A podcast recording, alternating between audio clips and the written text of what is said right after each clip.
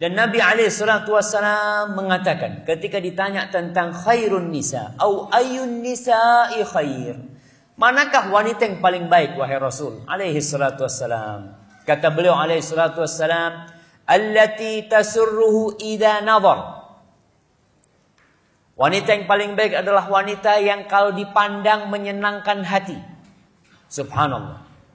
Kalau berbicara wanita yang enak dipandang ini, Para ulama menafsirkan dua penafsiran. Yang pertama karena dia cantik. Yang kedua karena dia pandai mempercantik dirinya. Beda nih antara cantik dengan yang pandai mempercantik dirinya. Ada wanita-wanita yang cantik tapi nggak enak dipandang. Kenapa nggak enak dipandang? Karena dia nggak pandai bersolek di rumah. Kadang-kala nih ibu-ibu ada sebagian subhanallah suaminya datang ya sedang goreng ayam. Suaminya datang dilihat dari jauh. Oh, udah datang, Bang. Kayak mau digoreng aja tuh sama. Yang seperti ini nggak nyenengkan yang lihat istri. Aduh, istriku kayak gitu ya. Ada ibu-ibu yang sukanya kalau di rumah pakai daster. Subhanallah, betul. Yang dibeli daster terus. Kadang-kadang suami yang lihat, ya Allah, istriku kayak gini gitu. Ada istri-istri wanita-wanita yang tidak pandai menjaga tubuhnya. Yang dia kadang-kala melakukan, ya Ustaz, anak kan sudah laku. Sudah payu kalau bahasa Jawanya. Biasanya kalau sebelum ada yang melamar dia, dia masih olahraga ya, dia masih menjaga makannya itu dijaga. Sekarang setelah menikah, Masya Allah. Kuliner terus kerja. Badannya Masya Allah, ada sampai seorang dokter tuh, ibu-ibu banyak yang punya sayap, kata dia. Karena makan terus kerjanya. Suami ngelihat nggak suka yang kayak gitu. Apalagi godaan di luar nih ibu-ibu hati-hati. Maka tolong cari yang kata Rasulullah SAW, nazar, yang menyenangkan suami. Maka di sini kita melihat seorang wanita itu boleh meminta kepada suaminya untuk tidak dikumpulkan dengan mertuanya. Itu hak wanita. Allah Subhanahu wa taala mengatakan askinuhunna min haitsu sakantum min wujdikum wala tudarruhun. Tempatkan istri-istri kalian ya sesuai dengan kemampuan kalian. Di rumah, di tempat tinggal sesuai dengan kemampuan kalian. Wala tudarruhunna dan jangan membahayakan para wanita. Jangan membahayakan para wanita. Ini saya tidak menyuruh ibu-ibu untuk menuntut ya, tidak. Dalam artian kadang-kala ketika kumpul sama mertua, para ulama menjelaskan, termasuk membahayakan para wanita ketika mengumpulkan dua istri di satu rumah. Itu termasuk membahayakan dia. Dan itu hak istri untuk menuntut. Atau mengumpulkan istri dengan periparan. Dengan ipar-ipar. Karena apa? Di situ wanita tidak bisa uh, mengungkapkan perasaan dia Mau bersolek nggak mungkin. Karena ada iparnya.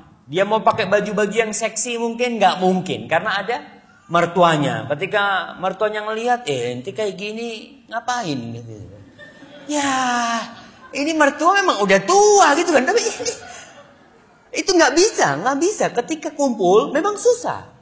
Mau bukain pintu buat suaminya dengan pakaian mungkin dandanan yang masya Allah, dengan pakaian yang membuat suaminya bergairah mungkin ya.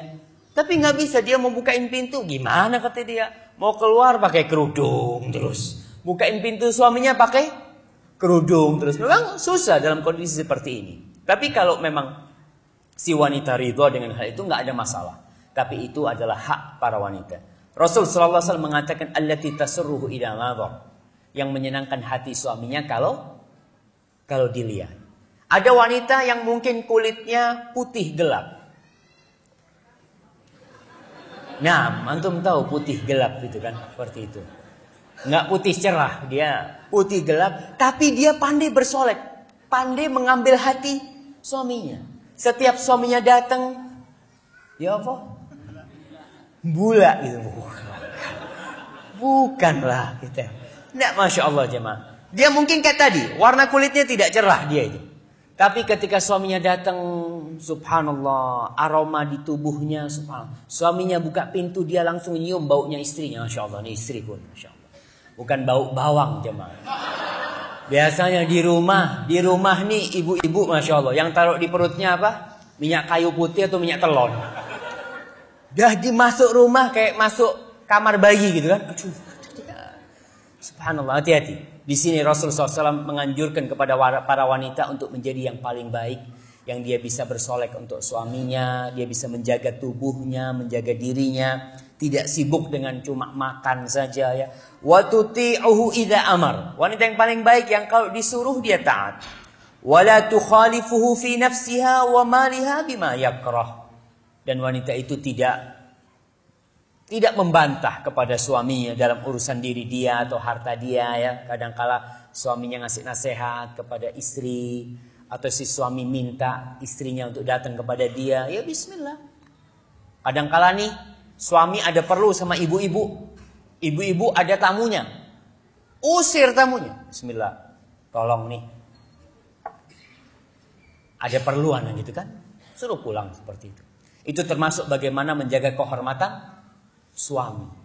Jangan sibuk sama temennya, ngobrol sama temennya, suaminya ditinggal sendirian gitu kadang kala. Itu termasuk tidak menghormati suami.